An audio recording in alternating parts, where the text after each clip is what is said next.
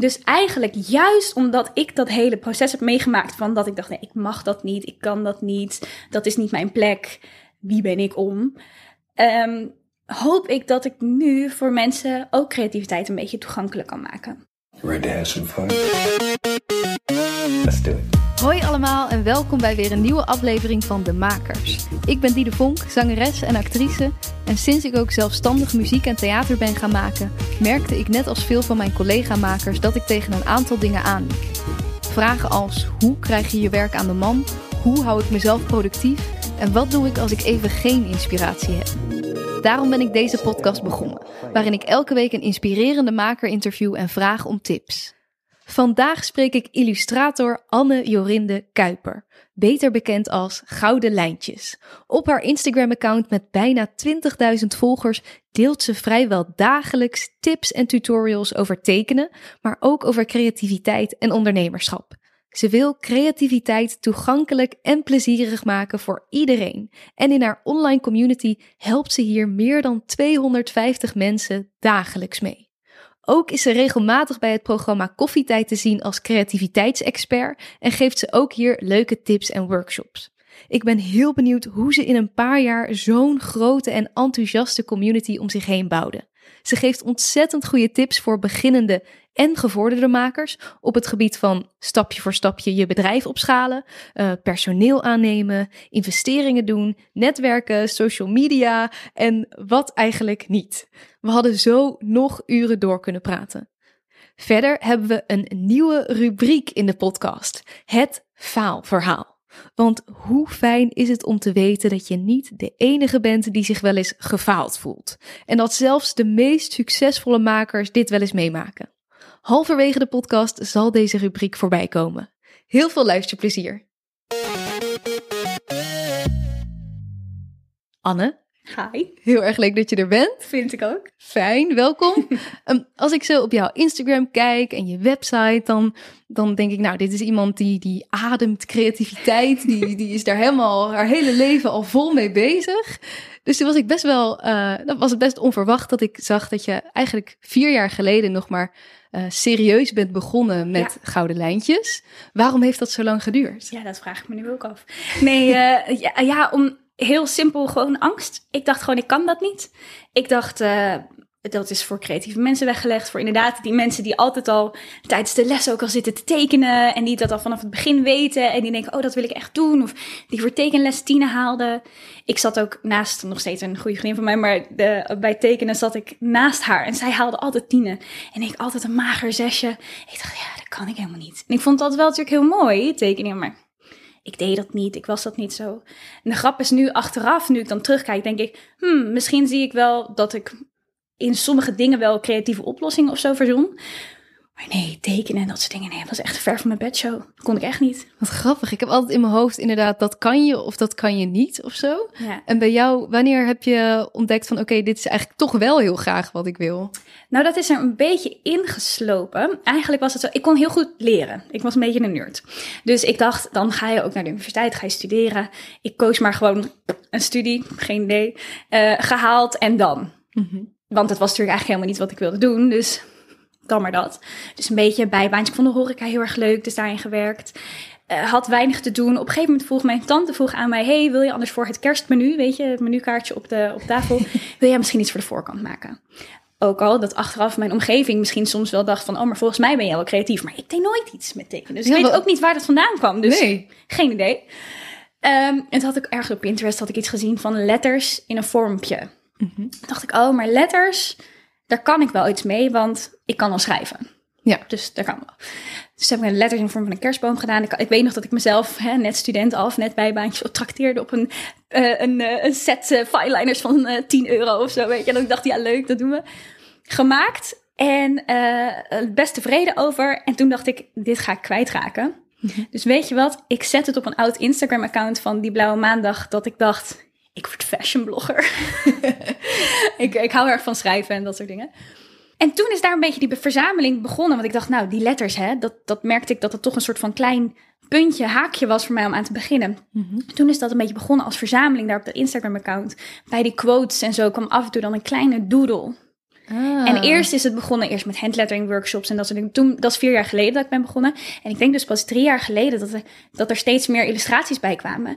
En misschien zelfs na, door corona heb ik altijd een beetje die tijd, dat tijdsverschil dat ik denk. Maar ik denk twee, tweeënhalf jaar geleden dat het echt vol op illustraties is gegaan. Dat ik de letters eigenlijk een beetje durf los te laten. Ah, dus dat, Ja. dat handlettering is dat toch? Ja, handlet, al wist ik in het begin ook niet dat het zo heet hoor. Maar ja, inderdaad, handlettering. Dus letters tekenen in plaats van schrijven is het eigenlijk. Ah, daar begon het mee. Daar begon het mee. Fijn hou vast, want schrijven kunnen de meesten, kunnen dat. Dus eh, eh, ja, dat was voor mij een fijn beginnetje om een klein beetje uit mijn schulp te kruipen en toch die pen op te pakken. En wat gebeurde er dan tussen dat eerste moment dat je dacht: hé, hey, dit vind ik misschien eigenlijk toch wel leuk? Wanneer was het moment dat je dacht: maar hier wil ik echt een serieuze baan van maken? Nou, het is een beetje een gekke samenloop van omstandigheden. Maar ik had op een gegeven moment, ik had ook niemand twee jaar lang iets verteld over dat Instagram-account. Het was meer gewoon echt alsof ik een soort verzamelmap had. Maar de chaot in mij kan dat niet. Ik laat alles slingeren, dus dan maar digitaal. En toen Een soort geheime map waar je gewoon bewaarde wat je had getypt. Precies, precies. Ik deed niks met hashtags. Ik wist helemaal niks van Instagram of dat soort dingen. En toen, eh, nou, door een samenloop van omstandigheden die misschien iets te lang is hier, kreeg ik opeens, vond iemand dat en die zei, hey, doe jij ook muurschilderingen? Toen dacht ik, ja, tuurlijk doe ik dat. Geen idee. En als ik nu achteraf terugkijk hoe ik dat heb gedaan, denk ik, oh meisje, meisje, je had nog zoveel te leren. Ehm, en toen dacht ik, oh, maar dit vind ik leuk. Ik vind het leuk dat, dat hier dingen in te doen zijn. En misschien kan ik wel een workshop in lettering geven. Uiteindelijk duurde dat nog een tijdje, want inmiddels was ik een nieuwe studie begonnen. Want hè, je moet toch leren om te bestaan of zo, ik weet het niet. Een universitaire master. Ja, precies. En ehm, toen ik daarvan terugkwam en ik had, was weer in een baan gerold. En toen dacht ik, oké, ik moet alle schepen achter me verbranden. Ik zeg mijn baan op, ik zeg mijn huur op. Ik ga reizen om een portfolio op te bouwen. Lukt niet, want ik kan geen twee dingen tegelijk. Maar toen ik terugkwam, toen dacht ik, nou moet ik. Nou moet ik dingen gaan verzinnen om te proberen van gouden lijntjes iets te maken. Ik had me dus al ingeschreven bij de KVK voor die opdracht die inmiddels al twee jaar geleden daarvoor was. Want wist ik veel dat je dat zomaar ook nog zonder kon, ja, die muurschildering. Dus ik had eigenlijk al anderhalf jaar een bedrijf. Of twee of zo. En toen dacht ik, maar nu moet je. Nu moet je dingen gaan verzinnen. Toen ben ik een workshop gaan maken dan. En tegen alles tegen ja gaan zeggen, zeg maar, van wat er maar kwam. En, eh, en toen is dat balletje gaan rollen. En dat was dus eh, drie, vier jaar geleden. Nu denk ik, ja, Wauw, dus het is. Ehm je, je bent nog wel die master gaan doen. Ja. Van oké, ik moet misschien leren. Of ja, vond ik ook gewoon heel erg leuk. Ja, nou, dat, dat, dat scheelt. ja. Maar hoe was het dan spannend om dan toch te kiezen voor. Nee, ik ga toch echt iets heel anders doen? Eh, een beetje. Ik had ook een klein beetje gespaard. Mhm. Want ik had natuurlijk altijd bijbaantjes. En eh, dus ik zette al wat dingetjes opzij. Omdat ik ook van reizen hield. Dus ik wilde altijd weg kunnen. En ik had ergens gezegd voor mezelf. Ik kwam toen in de zomer terug. En ik had gezegd. Oké, in september wil ik mijn eerste geld verdienen. En als ik, zeg maar eind 2017 was dat toen. Geen, niet genoeg. Of niet een volwaardig salaris. Hier geen, geen, geen brood in zie. Dan eh, ga ik gewoon een normale baan zoeken, zeg maar. Ah, dus ik had mezelf een soort ultimatum. ultimatum gesteld van, joh, je bent toch al gewend als arme student en heel weinig te makken te hebben, zeg maar. Dus eh, ik dacht, als het een paar maanden niet lukt, dan kan ik altijd nog het normale gebaande pad gaan volgen, zeg maar. Ah, oké. Dus eh, ik vond het niet zo eng. Ik dacht, ja, Nee, dus je had ook voor jezelf misschien een heel duidelijk soort van doel van oké, ik probeer het gewoon nu en nu pak ik daar alle ruimte voor. ik dacht, ik kan altijd nog in de supermarkt gaan werken, toch? ik dacht, ja, ik, ik, ik vind wel anders iets. Ja. Dus eh, ja, ik vond het niet zo heel eng. Nee. En die eerste paar maanden gingen dus zo goed dat je dacht, ik ga door. Ja, ik had een soort, eh, nou ja, toevallig heb ik daar net voor me, ik stuur één keer per maand naar mijn community members een, eh, een, een speciale brief uit. En daar heb ik net een precies een stuk over dit beginstuk geschreven, over dat ik Ah. heel veel geluk had, Oké. maar dat ik het ook soms moeilijk vind om dat geluk te noemen. En dat ik toevallig la- laatst langs een TED-talk kwam die uitlegde hoe je dan jezelf meer geluk kan geven. Toen dacht ik, dit is het. En wat, waar dat op neerkwam was eigenlijk dat er heel veel fijne eh, omstandigheden waren, maar die kwamen doordat ik tegen dingen ja durfde te zeggen en mij eigenlijk in een bepaalde positie durfde te zeggen. Dus doordat ik, ik woonde even een maandje bij mijn ouders, want hè, alles opgezegd daar maar in het, in het dorp een eh, workshop gaan geven. Maar ergens bij een koffietentje aangeklopt. Hallo, eh, ik geef handlettering workshop. Eh, mag dat hier doen? Ja, is goed. Flyers neergelegd en maar gewoon heel brutaal bij mensen in winkels neergelegd. Toen kwam daar toevallig een salespersoon van pennenmerken. Die zei, hey, wij zoeken nog demo mensen. En iemand zo, nou, ik heb net een flyer van iemand die handlettering workshops geeft. Oké, goed. tegen die demo gezegd, ja, joh, tuurlijk geef ik demo's, komt helemaal goed. Ken je dan ook bullet journals? Ken ik niet, maar dat komt helemaal goed. Daar kan ik wel wat mee, want ik had toch geen baan, dus kan ik maar even uitzoeken. Uh-huh. Uh, en toen bij mijn eerste demo, ik had lekker heel veel mooi, of heel veel, ja, dan maar gewoon iets. Nu achteraf denk ik, nou zo mooi, moi, maar oké. Okay. Um, uh, tekeningen gemaakt. Of dingen, ja, het heet dan in een bullet journal. Is een soort combinatie van tekst en tekeningen. Mm-hmm. Neergelegd. En op die allereerste demo die ik ooit deed, dus dat was in september, dus toen ik terugkwam, dus net een paar maanden terug was van reis, kwam er een uitgever langs en die zei: Hey, heb je hier al een boek over geschreven? Zei ik, nou toevallig nog niet. Oh. en toen uh, had ik in oktober een boekcontract. Wauw, dat is ja. inderdaad. Ja, ik vind het grappig dat je dat zegt. Het is, het is ook weer geen geluk, want ja, je gaat wel. Je klopt bij een koffietentje aan, je gaat flyers maken, je Precies. gaat zelf bedenken, ik ga een workshop geven. En het is nog steeds gigantisch geluk. Het Ja. is nog steeds gigantisch geluk dat je langs zoveel dingen komt. En uh, het is trouwens ook niet dat als je, dat weten denk ik heel veel mensen die, uh, die iets met boeken te maken hebben, als je een boek hebt geschreven, dat je dan binnen bent. Want dat is echt verre van zo. Mhm. Uh, maar het gaf mij wel even die extra kracht van, hey, leuk, ik kan deze demo's doen. Hey, wow, er valt best wel veel te halen. Die, nou, die workshops liepen medium goed, maar het, mensen die het volgden, die waren wel enthousiast. Dus het gaf me niet zozeer dat dan opeens ik heel veel verdiende, want ik verdiende echt heel niks. Maar uh, het gaf mij wel het idee van, joh, er is heel veel mogelijk. De wereld is een beetje maakbaar, om maar zo te zeggen. Ja. En natuurlijk realiseer ik me dat ik gigantisch veel geluk toen heb gehad. Maar inderdaad, door eigenlijk gewoon maar te zeggen van, joh, ja, ik kan dit, ik ga dit doen. Ik ga kijken wat er mogelijk is. Ook al zit ik nu een maand bij mijn ouders en weet ik veel. Ik ga gewoon eventjes kijken wat wel kan. Mm-hmm. En um, dat vond ik wel echt een heel fijne manier om zo'n vliegende start te, te maken, zeg maar. Het heeft alsnog heel lang geduurd voordat ik eindelijk echt goed ging verdienen en alles en helemaal mijn plekje had gevonden. Dus het was niet toen in één keer een kan en kruiken, maar dat was wel een beetje het begin. Ja, ah, maar dat, nou, daar gaan we het zo over hebben, hoe je door bent gegaan. Maar ik ben nog wel benieuwd naar dat eerste stuk. Dan veel mensen zullen ook zoiets hebben van, ja, ik, uh, ik heb niet een opleiding erin gevolgd, dus ik, uh, ja, mag ik dan een workshop ja, geven? Precies, oh, um, dat ja. ja. Maar jij bent het wel gewoon gaan doen. Ja. Um, wat, wat, wat, wat voor, ja, hoe komt dat dat jij dat wel doet? Uh, ja, hoe komt dat? Dat weet ik niet zo goed. Ik weet wel dat dit een heel erg belangrijk punt dus nu in mijn werk is. Wat ik juist wil overbrengen. Precies dat wat je zegt.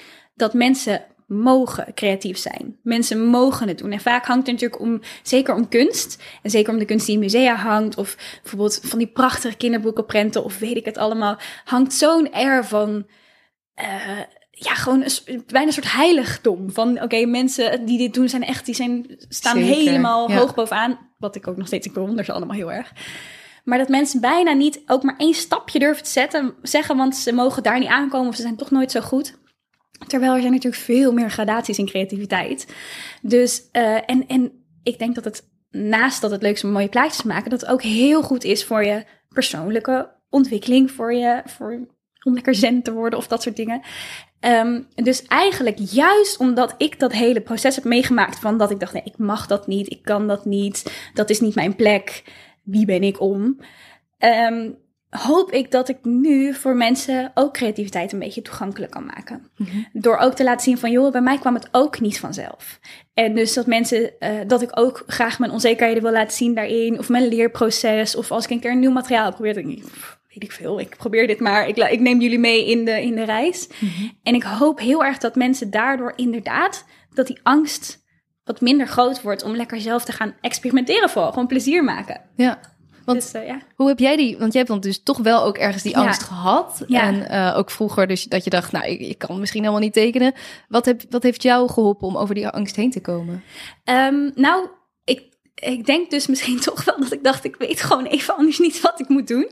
Je hoort ook natuurlijk heel veel van mensen die, ik was dat absoluut niet in een burn-out hoor, maar je hoort wel heel veel van mensen die bijvoorbeeld in een burn-out of een bepaalde levensfase hebben gehad, dat ze zeggen, oké, okay, nu moet het roer om en nou ga ik opeens creatief iets doen. Um, bij mij was het absoluut niet zo'n geval, maar wel dat ik dacht, ja, ik heb nou die studie, ik heb nou alle dingen gedaan eigenlijk die ik moet doen, studie netjes afgemaakt, dat soort dingen.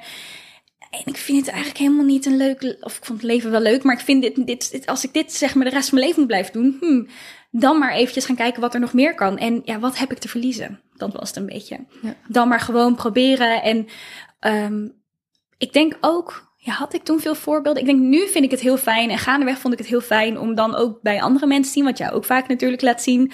eh, door, door hier met mensen te praten. Van dat mensen ook maar mensen zijn en fouten maken en moeten leren.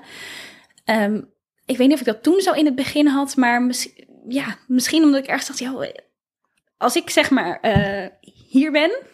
Terwijl de groten der aarde hier zijn.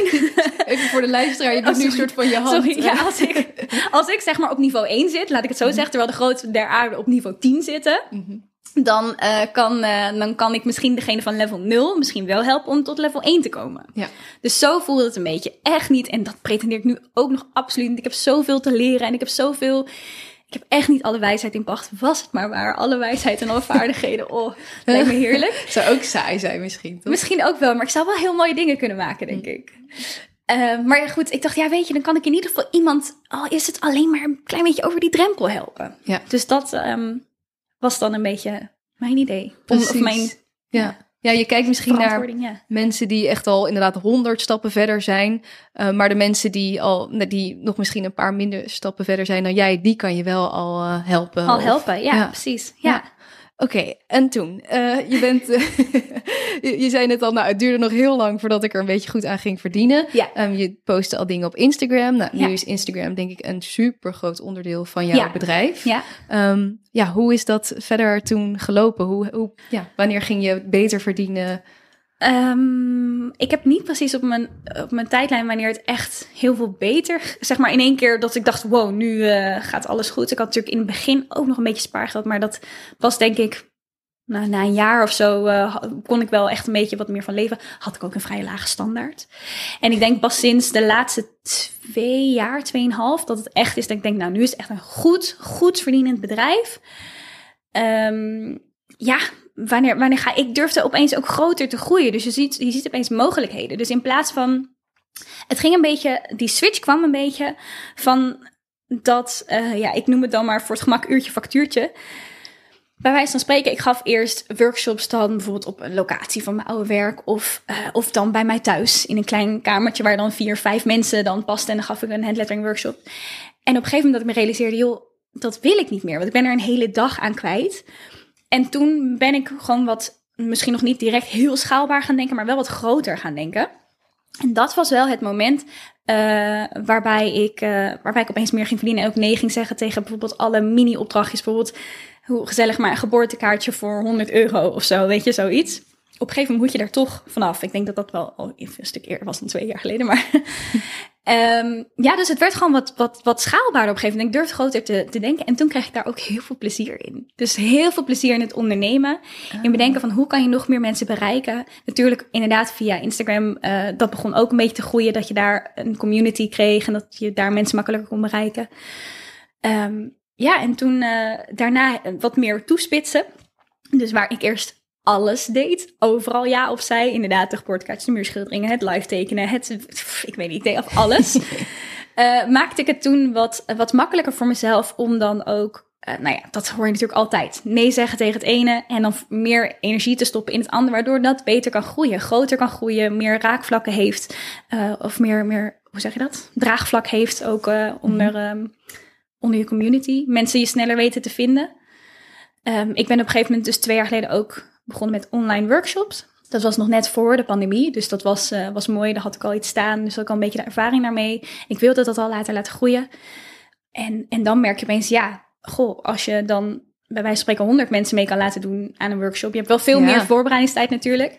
Dan kan dat sneller groeien dan dat je vier mensen aan je keukentafeltje hebt. Zeker weten. Zoiets. Ja. Nou, is dit daar nog wel een heel verschil. Ik ben heel gradueel daar naartoe gegroeid hoor. Zeg maar, het was niet van vier mensen naar mijn keukentafel naar honderd mensen in je workshop, in een online workshop. Maar het is eigenlijk dat ik dus telkens een stapje iets verder ben gaan zetten van, v- eh, van wat kan er beter? Wat kan ik doen om mezelf makkelijker te maken? In plaats van dat ik daar sta, dat ik eh, bij wijze van spreken eh, vier plekken had voor mijn workshop, drie verkocht en eh, niet eens deed aan vooraf betalen. Dus dat er op die avond zelf, dat ik diegene belde en die zei, eh, oh ja, ik ben ziek, zeg maar, Ja. weet je. En dat ik dan voor 50 euro een hele dag Mhm. voorbereiding kwijt was. Ja. Op een gegeven moment is dat niet meer haalbaar. Nee, en ook haal je er geen plezier misschien meer uit als Nee. je merkt, ik, ja, ik stop er heel veel energie in, maar ik krijg het ja, ook in geld niet terug. Precies. Nee, en wat, wat mij ook toen heel erg opviel, is dat mensen nemen je minder serieus als je heel weinig voor dingen vraagt, bijvoorbeeld. Want ja, dat is super krom. Maar ergens, ergens, zeker dus omdat ik dus creativiteit toegankelijk wil maken, denk je van oké, het moet dus ook goedkoop. Bij wijze Ja, van spreken, want ja. dan is het voor iedereen betaalbaar. Eh, maar dan inderdaad krijg je dat mensen inderdaad of, afzeggen of niet komen opdagen of, of gewoon denken dat het niet goed zal zijn. Dat Ja. soort dingen. Dus, ehm, en ik ben ook heel veel vrouwelijke ondernemers, ja, toevallig allemaal vrouwelijke, maar ik weet niet, daar identificeer ik me dan toch misschien maar meer mee. Mhm. Eh, ondernemers gaan volgen die ik mega inspirerend eh, vond en die ik dan zulke stappen zag maken. En dat ik dan ergens dacht, oh, maar als jij dat dan doet, dan mag ik dat misschien ook wel. Of dan zou ik dat in ieder geval kunnen proberen. Ja. En eh, wat dat betreft vind ik het zo mooi dat we nu in een tijd leven waar mensen best wel veel delen over hun proces achter de schermen. Dus dat eigenlijk precies wat jij zei, van dat mensen opeens denken van, ik kan dit niet, waarom ik, waarom, Mhm. waarom zou ik dit doen? En dat als ze dan zien bij iemand anders met wie ze zich identificeren, hé, hey, maar die doet het op deze manier omdat zus en zo, misschien dat ik het dan zo kan toepassen. En Ja. dat hielp mij heel erg in die grotere stappen maken. Ja, snap ik. Ja, dat je toch die voorbeelden om je heen hebt. En dan heel praktisch. eh, Je zegt het ging heel gradueel, heel geleidelijk. Hoe ga je van drie mensen in een online workshop naar honderd? Het was natuurlijk ook al dat mijn, ehm, eh, dat mijn offline workshop ook al echt wel wat beter liepen. Dus die gingen meer uitverkopen. Ik stond natuurlijk, eh, ik werd dan die demo's af en toe op beurs eh, werd je dan ingehuurd en dan nee daar demo's. Ja, En- want heel eventjes misschien voor de mensen Oh, die sorry, het niet en- weten, wat is dat precies? Stel je voor een huishoudbeurs, Mhm. maar dan met alleen maar creatieve dingen. Aha. Bijvoorbeeld dat. En jij gaf daar een workshop dan? Of een... Dan word ik vaak bijvoorbeeld, ehm, eigenlijk is dat ook nog een van de onderdelen van de drie takken die ik doe. Dus een- enerzijds geef ik online cursussen en dan heb ik mijn online community. En de derde die ik doe is dan, ik noem het maar live demo's ongeveer. Ja. En dan word ik vaak door bijvoorbeeld merken, bijvoorbeeld kleine merken, dingen die ik zelf ook heel vaak graag gebruik, word ik dan ingehuurd om dan bijvoorbeeld te zeggen, zo, joh, wij hebben dit product, kun je daar een workshop meegeven? Ja. Dat doe ik natuurlijk alleen maar als ik het product leuk vind, want anders dan is het niet leuk. Eh, en dat gebeurt dan natuurlijk zeker op zo'n beurs. Want net als op een, bijvoorbeeld een huishoudbeurs, ehm, willen mensen natuurlijk de nieuwe producten zien. Wat is er nieuw? Wat kan ik gebruiken? Hoe kan ik het toepassen? Dus eh, dan zat ik daar vaak eh, bijvoorbeeld brush lettering uit te leggen. En hoe je dan mooi een naam kon schrijven. Of, of andere kleine workshops en demos. Dus daar deed ik dat dan veel. En dan kon je natuurlijk ook meer reclame maken voor je, voor je workshops. Ehm, ja, dus dat was eigenlijk al gegroeid. Het voelt echt zo gek. Ik, ik heb al twee jaar natuurlijk geen offline workshop gegeven. Hey, ja. Dus het is alweer echt heel lang geleden natuurlijk dat dat, Ja. dat, dat weer komt. Nou is het trouwens niet waar. Ik heb één keer tussendoor toen het heel eventjes, heel even er geen corona was. Oh. ook nog eventjes, niet precies. Maar het voelt echt alweer als heel lang geleden van ja, hoe ging dat ook alweer?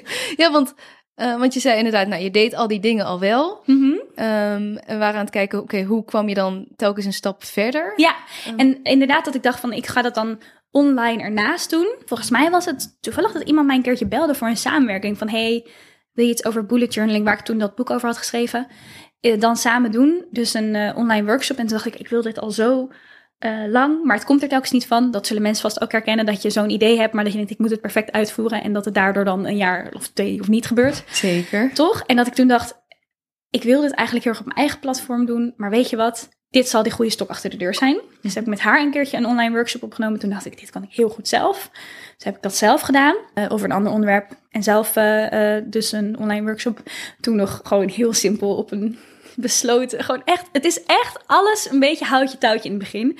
Dus dat ik gewoon de video's op een pagina beveiligd met een wachtwoord op mijn website zette, bij wijze van spreken. Iedereen stuurde ik dat handmatig toe, zo per mail. En eh, net als dat, dan ga je op een gegeven moment merken, net als dat het aan die keukentafel niet fijn is, ga je op een gegeven moment merken, het is niet fijn om iedereen handmatig toe te sturen. Hoe kan ik dat veranderen? Misschien moet ik een website laten bouwen. Dan werkt, blijkt die website niet goed te werken. Dan denk je, oké, misschien moet ik een andere website laten werken, eh, bouwen of zo, of zoiets.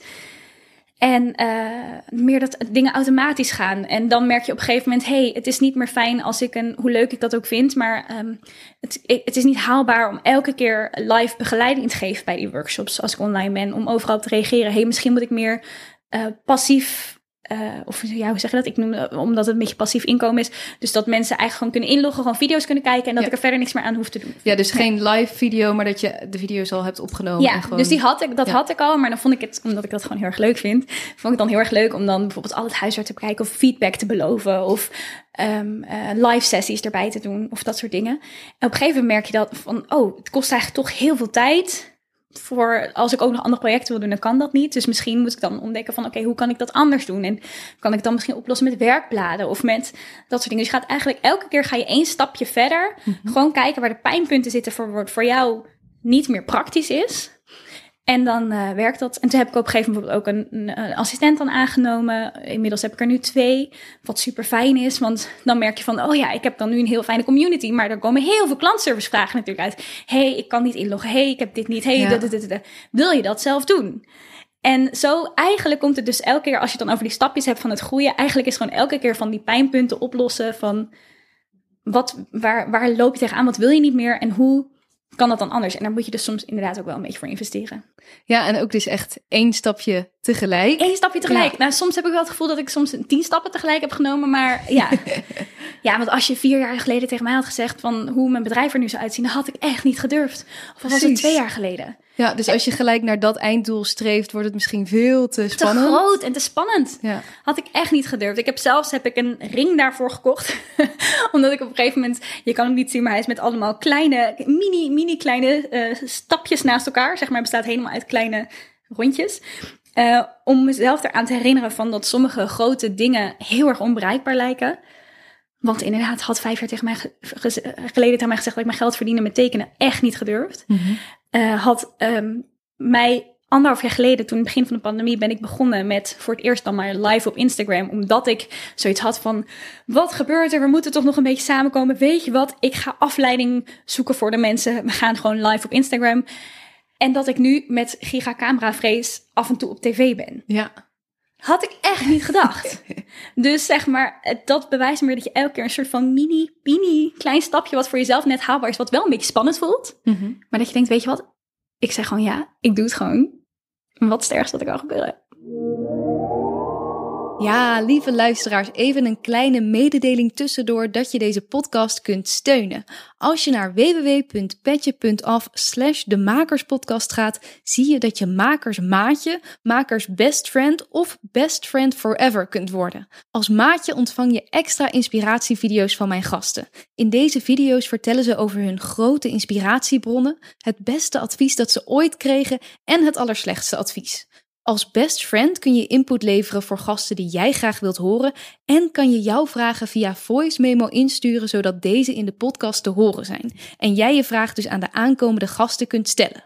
En als best friend forever mag je me ook nog eens bestoken met vragen over het opzetten van je eigen podcast. En binnenkort gaan er nog veel meer extra's komen. Daarnaast help je ons om deze podcast te kunnen blijven maken. Dus daar zou ik je sowieso ontzettend dankbaar voor zijn.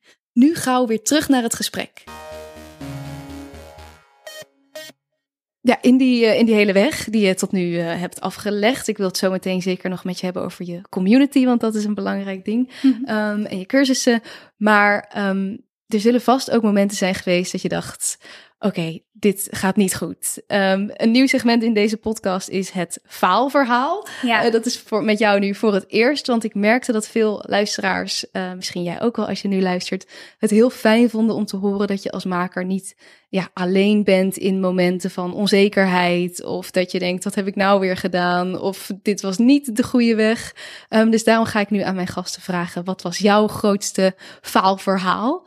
Um, ja, kan jij vertellen wat er bij jou opkwam? Nou, sowieso heb ik duizenden faalverhalen. Echt heel veel. Want natuurlijk, als je risico's neemt, dan neem je ook het risico om te falen. En uh, zeker als je dingen houtje touwtje doet, dan gaan er ook dingen fout. En dus ik heb er zoveel van de echt de momenten dat je acuut denkt van, oh nee, oh nee. En dat is bijvoorbeeld heel vaak met. Ik heb bijvoorbeeld één keer toen ook nog in het begin van die workshops dat inderdaad locaties regelen en dat soort dingen. En dat er nog niet zoveel mensen op afkwamen.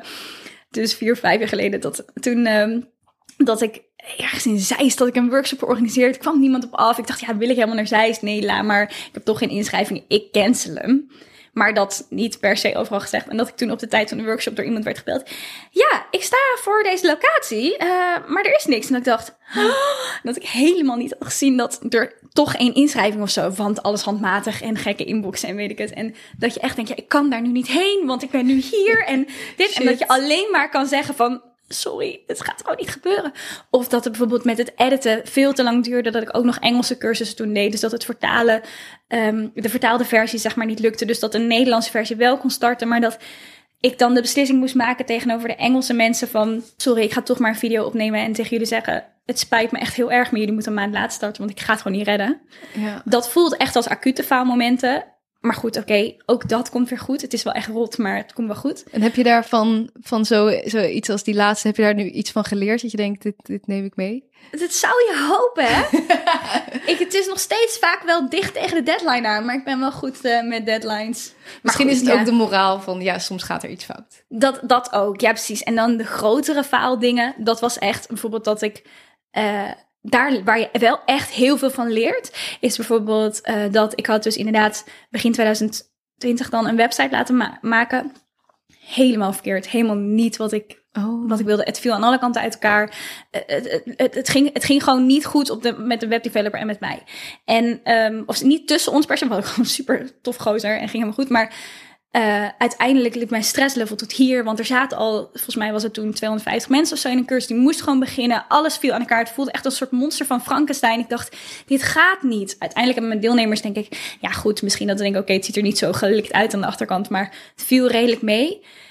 Maar dat was voor mij wel echt een leermoment dat ik dacht... Oké, je moet echt beter gaan uitleggen wat je wil. Want uiteindelijk kwam dat dus was het, lag niet zozeer aan de webdeveloper of aan ons allebei evenveel. Mm -hmm. Want ik dacht, je moet gewoon beter gaan leren met mensen werken. Want daarvoor ben je natuurlijk een one-man show, one-woman show. Dus uh, dat het voor mij echt een leermoment was van... het kan niet alleen aan diegene liggen. Want je kan niet leren wat er in je hoofd zit. Maar je moet nu gewoon echt dan maar je verlies nemen. Heel, ik heb hele dus al die... Nou, volgens mij had ik echt 7000 euro of zo eraan uitgegeven aan die website... Wow fijn, het is wat het is. We beginnen opnieuw en we geven gewoon weer 10.000 euro uit, bij wijze van spreken. Dat was wel echt even slikken. Ja. Maar wel dat ik dacht, um, het moet gewoon. En je moet gewoon beter leren communiceren. Ja, precies. Ja. Echt leren zeggen wat jij wilt ja. en ja. niet anders. En niet afwachten, niet bang zijn om niet aardig... Want daar ben ik altijd erg bang voor, dat mensen mij niet aardig vinden. Of uh, weet je, dat je denkt, zo, ja, ik wil niet die vervelende, zeurende klant zijn of dat soort dingen. Gewoon assertiever, gewoon om je geld... Uh, zeg niet, niet per se om je geld vragen, maar om je waarde vragen die je betaalt en dat soort dingen. Ja. Nou wil ik hem helemaal niet afdoen, want dat was helemaal top. Maar het was gewoon voor mij heel goed een les van, ik moet beter dat overleggen. En dat voelde wel gigantisch als een faalmoment om dan die kerstversie nieuwe website te schrappen. Maar uiteindelijk ben ik heel blij dat ik dat heb gedaan. En het proces daarna ging veel beter. Ja. ja. Gelukkig. Ja. En je had het net al over een paar bedragen. Uh, je zei ook al eerder, ja. soms moet je een investering doen. Uh, wat is de beste investering die jij hebt gedaan? Oh, uh, mijn assistent aannemen. Mijn assistent Yvette is echt een top. Want assistent ook, klinkt maar... heel fancy. Ja. Wat, wat doet een assistent? Ze is, inmiddels is ze mijn business manager. Oké. Okay. Ze is begonnen als mijn VA en nu heb ik een andere VA, Monique. En Yvette is mijn business manager. Ja, die kan natuurlijk echt van alles doen wat je wil. En, en in het begin deed Yvette voor mij uh, veel dingen zoals bijvoorbeeld mails beantwoorden, wat meer structuur erin aanbrengen. Het is ook heel handig om zo'n frisse blik te hebben in je, in je bedrijf van, goh, waarom doe je dit eigenlijk? Waarom doe je dit handmatig? dat soort dingen bijvoorbeeld. Ja. En zij kan natuurlijk ook bijvoorbeeld kijken naar uh, bijvoorbeeld of dingetjes zoals ik had haar dus aangenomen toen we die eerste nieuwe website gingen bouwen. Dus dat was voor mij en was in tijden van corona best wel spannend om ik ga een investering doen voor de website en voor een uh, iemand aannemen of inhuren dan. Mm -hmm. uh, want het is niet mijn dienst, ze werkt gewoon als ZZP'er. Um, dus dat vond ik wel spannend. Maar daardoor kon ik wel dat proces dan sneller laten gaan. Dus kon zij me helpen, meekijken met de website, af en toe teksten over doen. Dat ik zei, hey, dit moet omgezet worden. Uh, hoe kan dat? En gaandeweg is dat meer gevormd, omdat zij dat ook leuker vond. Uh, dat zij mij meer hielp met strategie. Dus meer kijken van, oké, wat heb je allemaal in je kopie? Zorgen dat die ideeën niet meer nog een jaar blijven liggen. Weet je, dat soort dingen. En hoe gaan we dat dan inplannen? Maar nu nog steeds dat ze me bijvoorbeeld helpt met mails. Dat ik kijk naar al die verschillende cursussen die ik heb. Oh, mijn hemel, er komt zoveel achter de schermen. Wij kijken altijd van mails, welkomstmails, uh, reminder mails, uh, mensen die toegang moeten, mensen, zeg maar alles, alles wat daarin zit. Wat eigenlijk gewoon een soort basis. Het is niet eens mail funnels van, van harde sales of zo. Of dat vind ik ook interessant trouwens om nog naar, verder in te ontwikkelen. Maar eh, gewoon eigenlijk de basisservice die je moet leveren. Dat is eigenlijk al zoveel werk achter de schermen. Ja. Dat het super fijn is als je iemand daarmee helpt. En Yvette is dan nu dus meer naar strategisch. Dus meer af en toe ook even brainstormen van... hé, hey, waar sta je? Waar wil je heen? Wat voor opdracht gaan we wel of niet aannemen? En eh, Monique, mijn andere assistente, die helpt me dan nu dus meer inderdaad met die webcare. Dus bijvoorbeeld, uh, dat is echt super fijn. Want uh, dat, je, dat, je gewoon ach, dat je dat gewoon kan laten. En dat ik van mijn community members hoor van... oh, ik ben zo fijn geholpen en het ging heel snel. En dat denk ik, oh, super fijn. Ja, dat is echt goed. Ja. En um, je zegt ze werken als ZZP'er. Huur je die dan gewoon een, een vast aantal uur ja. in per week? Of? Per maand, ja. Ja, en dat gaat uh, eigenlijk telkens alleen maar omhoog. als in, er is natuurlijk altijd gewoon uh, meer werk te doen. Dus dan spreiden we nu, na een periode heb je dan bijvoorbeeld school, kunnen we nog een paar uur omhoog. En ik heb het dan niet over dat, het, dat, ze, dat ik ze 40 uur per week inhuur. Hè? Mm -hmm. Het is uh, veel stuk minder. Dus dan gaat er misschien een uurtje per week bij of zo een keertje. Ja. Um, maar ja, dat gaat, dat gaat uh, heel goed. Ja. En het is heel fijn. Ja. Ja, dus dat is een, echt een hele fijne investering. Super fijne investering. En mijn iPad was ook een fijne investering. Ah, ja, precies. ja. En had je daar dan ook nog, want dat merk ik gewoon bij veel mensen, dat het gewoon een drempel is om dan iets uit te geven. Heb Ja. jij daar drempels in? Iets of? uit te geven en iets uit handen te geven. Bij mij ging het natuurlijk Zeker. samen. Ja. Want inderdaad, dat was en met de, de webdeveloper en met dus mijn, mijn assistent. En dat was in- opeens ging ik in dat jaar veel best wel met mensen samenwerken. Waardoor je dus ook dingen los moet laten. Mhm. Best wel eng als je gewend bent om alles eh, samen te doen of eh, alleen te doen. Zeker. Ehm, en wat dat uitgeven betreft, ja, eh, misschien komt het dus ook doordat ik wel heel erg geïnspireerd ben door, door vrouwelijke ondernemers, ondernemers online. Die vaak ook grotere uitgaven doen, met, met name ehm, eh, Charlotte van het Woud. Ja. Ik, vind, vond haar, ik vind haar echt een topper. En ik heb haar op de een of andere manier, ik weet niet hoe ik haar ben gevolgd, maar volgens mij al vijf, vier, vijf, toen ze net begon. Mhm. En dan zie je iemand anders die stappen maken en denk je, ja, shit, het gaat gewoon goed. Dat is gewoon goed. Of tenminste, natuurlijk niet dat ik dezelfde ambities heb, heb als zij. En het is ook niet dat ik alles precies hetzelfde wil doen. Maar wel dat je ziet, ja, je hebt gewoon gelijk. Soms moet je gewoon een investering doen. En dan is het maar eng. En dan ga ik het maar doen. Maar ja, misschien toch ook weer mezelf daar dat ultimatum gesteld. Want had ik eerst bij, toen ik mijn assistent aannam, ook van... Oké, dit is nu... Stel dat ik dit nu drie maanden probeer. Dan ben ik zoveel kwijt. Ik weet niet, niet eens meer hoe het beginnen, maar een paar duizend euro. Ehm, wil ik dat nu investeren eh, eh, om bij wijze van spreken als leergeld om te leren van hoe dat is, Mhm. met het risico dat ik dat dan dus kwijt ben, maar dat ik wel dus weet of dat wat voor mij is. Ja. En dat betekent ook dat je dus een deel uit je bedrijf moet hebben, dus soms misschien jezelf minder salaris. Gelukkig had ik op dat moment verdien ik al wel best wel wat, of had ik, weet je, als ik natuurlijk net een workshop heb gegeven, dan kan ik dat eh, wat makkelijker dan eventjes. Heb ik in één keer een bubs geld, want dan heb je natuurlijk in één keer heb je dan inschrijving en dat smeert zich dan een beetje uit. Ja. Ehm, dus dan, dat kon ik dan doen. Eh, en dan dacht ik, ja, dat is het me waard. Want ik, het is mij meer waard om nu dit geld uit te geven en dat te weten. En desnoods denken, ja, dan ben ik maar een paar duizend euro kwijt. In plaats van dat ik vijf jaar, bij wijze van spreken, het op dezelfde manier blijf doen met kans op minder groeien. Eh, en dan, eh, ja, misschien dus die, wat is het, 500 euro per maand of zo heb bespaard. Of dit. Ja. Ja. En ik ben zo heel blij dat ik dat heb gedaan. ja. ja, Nee, goed advies. Ehm, dan wil ik het nog even met je hebben over die community. Want Ja. volgens mij een paar jaar geleden werd community opeens zo'n ding. Dat iedereen een, een community wilde. En dat, dat, nou, dat is natuurlijk ook een super slim eh, verdienmodel. Het is fijn om mensen aan je te binden. Ehm, maar het is ook echt heel moeilijk volgens mij. Als ik zie hoeveel Nou ja. werk jij in die community stopt. En er zitten superveel mensen bij.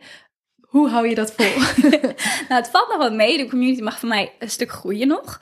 Want hoeveel Ehm, mensen zijn Er er? zitten denk ik nu meer dan, ik denk ongeveer 250 mensen in. Dus dat eh, zeg maar is ongeveer vergelijkbaar met een goede workshop. Ik ben een beetje gewend dat workshops bijvoorbeeld ook als ik het geef op live demos, daar vaak 300 mensen of zo bij zijn. Dus ik zit altijd een beetje al in die honderdtallen van aantallen. Mhm.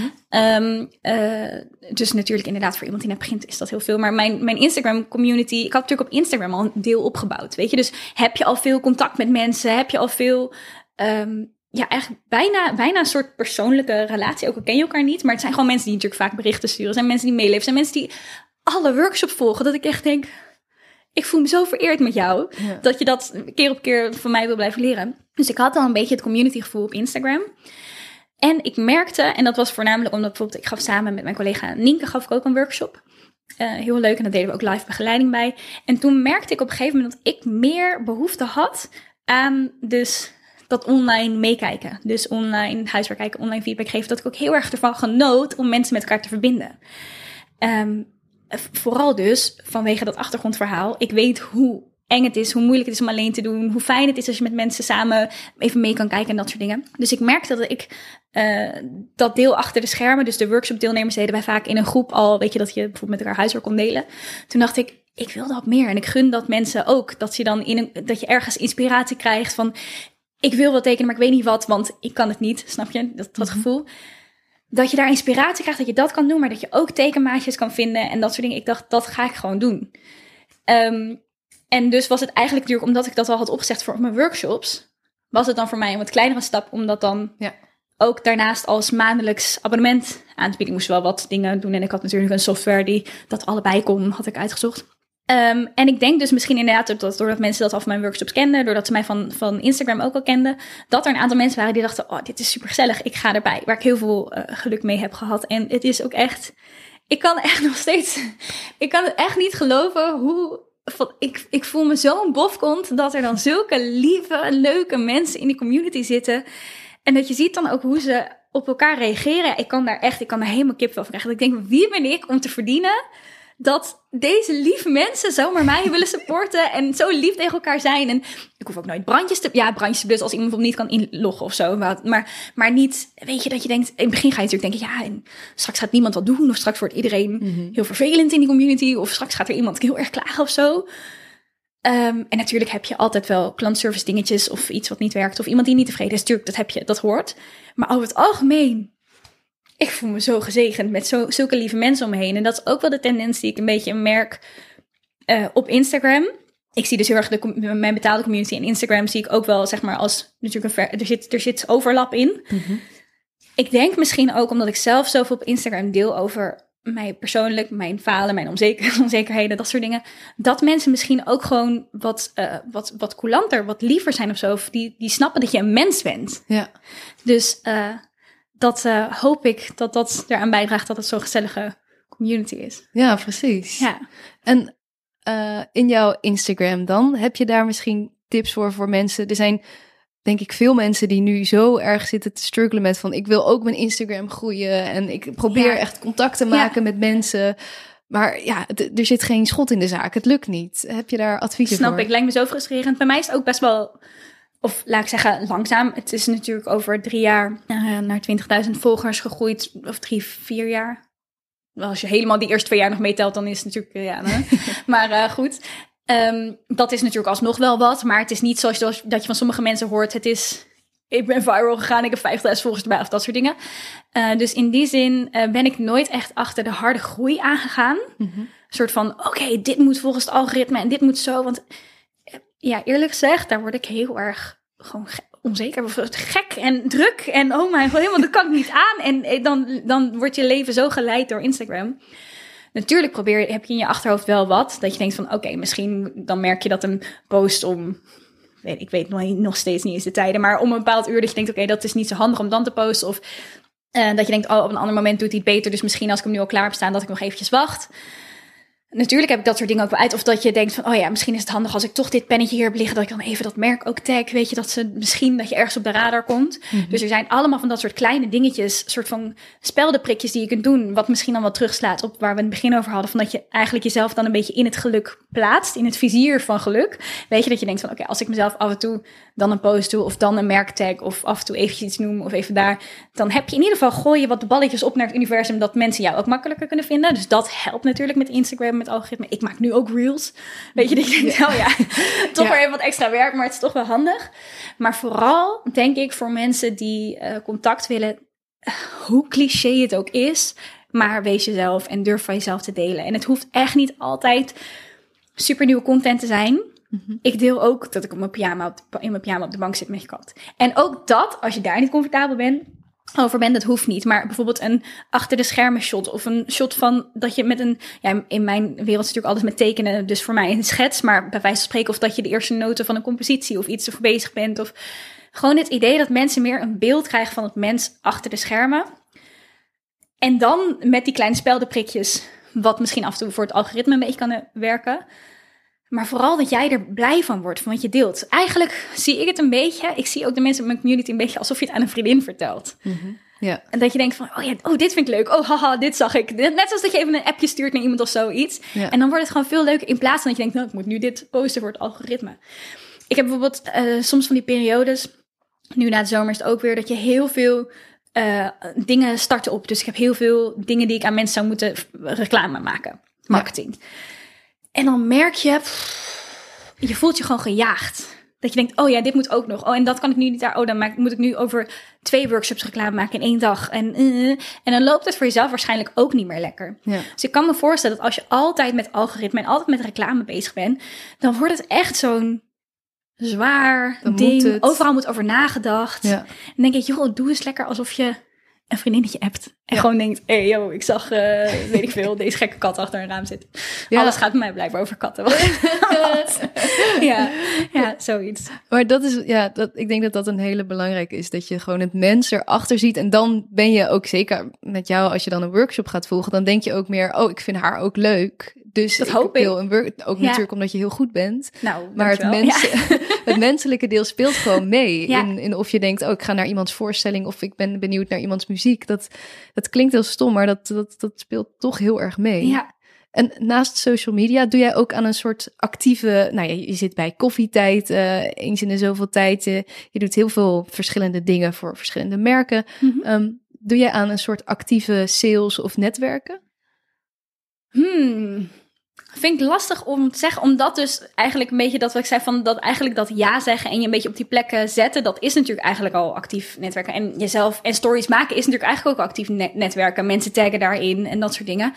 Ehm, ik ga wel op een, als ik op een beurs ben, op een, op een, dan, zorg, dan zorg ik wel van dat ik even tijd heb om bijvoorbeeld ook even langs de kraampjes te lopen en eventjes overal te kijken. Even kijken of ik met iemand kan kletsen. Inmiddels is die plek natuurlijk al wat gevestigd, meer gevestigd. Dus hoef ik dat wat minder te doen. Of heb ik met bijvoorbeeld veel van de merken waar ik hier en daar contact wil, heb ik al een beetje contact. Maar er zijn natuurlijk nog heel veel mooie nieuwe Ik denk vooral het openstaan voor de mogelijkheden. Het, ehm, ja, hoe zeg je dat? Gewoon dat je ergens, als je ergens bent en je denkt, goh, ik kan hier nu stil blijven staan en mijn eigen dingetje blijven doen. Maar voor hetzelfde geld kan ik ook even om me heen kijken en kijken wat ik proactief kan doen om iemand te benaderen of iets te benaderen of een story te posten of dit of dat. Dat is een beetje mijn actieve marketing daarin. En dan merk je ook wel dat gaandeweg mensen jou misschien wat beter kunnen vinden. En dan moet je daar wel ja op durven zeggen. Sommige dingen die dan eng zijn of zo. Dat je dat ook, sommige dingen misschien iets hoger zijn dan dat je jezelf had ingeschat of zo. Wat natuurlijk niet wegneemt dat soms als het niet komt, dan kun je natuurlijk gewoon keihard ervoor gaan. En bij wijze van spreken, als je denkt, nou, ik wil super graag ehm, met Nike werken. Dat je denkt, nou, weet je wat, dan ga ik in Procreate allemaal Nike schoenen natekenen die zo of zo. En dan ga ik ze gewoon bewust elke dag tekenen en targeten en, en of, ja, Ja. zo. En dan kan je dat natuurlijk nog wat actiever inzetten. Het is maar net misschien ook een beetje waar je ambities liggen. eh, hoe je dat wil doen. En bij mij is het natuurlijk niet mijn ambitie om met de grootste merken alleen maar dat te doen. Eh, het is een fijne, leuke bijkomstigheid die ook goed is voor mijn brand. En wat ik wat heel leuk is ook omdat ik dan nieuwe producten leer kennen en weer in andere plekken terechtkom. Dus ik vind eigenlijk één grote leerwereld van waar je kan eh, terecht kan komen. Ja. We moeten een beetje gaan afronden. Ja, ja, ja. Goh, ik, kan, ik, kan, ik ben altijd nogal lang verstof. Ik kan drie dagen doorpraten, denk ik. Maar dat is heel leuk. En ik zou ook zeker mensen aanraden om jou lekker te gaan volgen op Instagram. Want eh, en eh, via je website heb- deel je ook heel vaak blogs over dit soort onderwerpen. Over ondernemerschap, over creativiteit. Ook zo'n ding waarvan denkt, oh, dat zou eigenlijk vaker moeten. ja. We kunnen het nooit allemaal goed Nee. doen. Want als ik eh, kijk soms naar wat je allemaal doet, denk ik al... Oh my god, ik word, er bijna moe van. Maar gewoon niet moe van, maar meer van... Wat knap dat, dat je dat allemaal doet en zoveel met positiviteit en energie. Ehm, maar ik ben eh, als laatste altijd nog benieuwd. Heb je nog een, een les die je wilt meegeven aan eh, mensen die nu luisteren? Een les die ik wil meegeven. Nou, eigenlijk dus dat je gewoon eh, mag zijn. Klinkt lekker zweverig, maar dat er plek is voor jou, dat jij ruimte mag innemen. Dat je de dingen mag doen die jou leuk lijken. Ook al denk je van, ik weet niet hoe, ik kan het niet. Er zijn andere mensen die het beter kunnen. Wie zit er op mij te wachten? Doe het gewoon. Dat, ik denk dat dat een heel belangrijke les is. Het mag. Mooi, dankjewel. Graag gedaan. Jij bedankt voor de uitnodiging. Heel graag. Dank voor het luisteren en heel veel dank Anne. En nogmaals, check zeker even haar werk via @goudenlijntjes op Instagram of goudenlijntjes.nl. Dit zijn mijn takeaways van dit gesprek. 1. Ga stapje voor stapje. Als Anne vijf jaar geleden als doel had gesteld waar ze nu is, was ze daar misschien alleen maar overweldigd van geraakt. Je mag zeker grote dromen en plannen maken, maar day to day is het wel zo fijn als je het ook in stukjes kunt hakken tot realiseerbare stappen. 2. Ik vond het heel interessant wat ze zei over geluk. Aan de ene kant heeft ze ontzettend veel geluk gehad met de mensen die op haar pad kwamen en haar weer een nieuwe kans gaven. Maar aan de andere kant hadden deze mensen haar niet ontdekt als ze stil was blijven zitten thuis. Ze ging proactief op stap met flyers drukken, workshops geven, mensen aanspreken bij beurzen en daardoor kwamen er ook weer dingen op haar pad. 3. Communicatie. Bij het faalverhaal raakte Anne ontzettend veel geld kwijt aan een samenwerking die niet helemaal goed voor haar werkte. Mensen kunnen nu eenmaal niet in je hoofd kijken en daarom is het zo belangrijk om vanaf het begin super helder te communiceren over wat jij wilt. Zeker als er een grote investering aan hangt. In zo'n situatie had ze ook kunnen denken: ik heb hier nu al zoveel geld aan uitgegeven. We doen het er maar mee. Maar ik vind het heel goed dat ze er alsnog voor heeft gekozen om het helemaal om te gooien en het echt te doen op de manier waarop zij het wilde. 4. Toen ik Anne vroeg naar haar beste investering, hoefde ze geen seconde na te denken en wist ze meteen dat dit het aannemen van een assistent en later businessstratege was. Misschien voelt dit voor jou als je luistert wel super ver van je bed. Maar als maker heb je zoveel taken en dingen die je moet doen. Kijk hier eens kritisch naar. Wat zou je doen als je alleen nog maar de dingen doet die jij het allerleukste vindt? Wat voor extra tijd, energie en vrijheid zou dit je wel niet geven? Je kunt weken op een subsidieaanvraag zitten ploeteren, maar er zijn ook mensen die je hiermee kunnen helpen. Of misschien ben je uren bezig elke week met het beantwoorden van dezelfde soort mails. Dit zou ook iemand voor je kunnen doen. De uren tijd en rust die jij weer overhoudt, kunnen gaan naar je makerschap. En wie weet heb je door die extra tijd het geld er ook zo weer uit. En desnoods probeer je het eens uit en merk je dat het niet helemaal voor je is. Zo is Anne ook begonnen. 5. Doe het gewoon. Een tip die heel vaak voorkomt hier, maar waar Anne nog een goede toevoeging aan had. Zeker met kunst heerst er het idee van dit is alleen weggelegd voor de aller allerbeste. En als jij altijd kijkt naar mensen die voor jouw gevoel al op level 10 zitten, terwijl jij nog op level 1 zit, dan ga je natuurlijk denken: dit wordt hem niet. Maar bedenk je dat er nog heel veel mensen ook op level 0 zitten, voor wie je wel al heel veel kunt betekenen. Iedereen begint ergens. Maar als je niet begint, kom je ook nooit verder. Dat was hem weer. Heel erg bedankt voor het luisteren. Ook hebben we weer, zoals bij elke aflevering met Anne, een inspiratievideo opgenomen. Die vind je via www.petje.af slash de Tot de volgende keer! Vond je dit een leuk gesprek? Abonneer je dan op de podcast en volg de Makerspodcast op Instagram en Facebook. Delen of een recensie achterlaten is super fijn en laat het me vooral weten als er gasten of vragen zijn die je graag terug hoort in de podcast. Volgende keer staat er weer een bijzondere, inspirerende nieuwe aflevering voor je klaar. Deze podcast werd gemaakt door mij, Diede Vonk. De mixage is door Sonja Vos en de muziek is van David Schwartz. Tot volgende keer!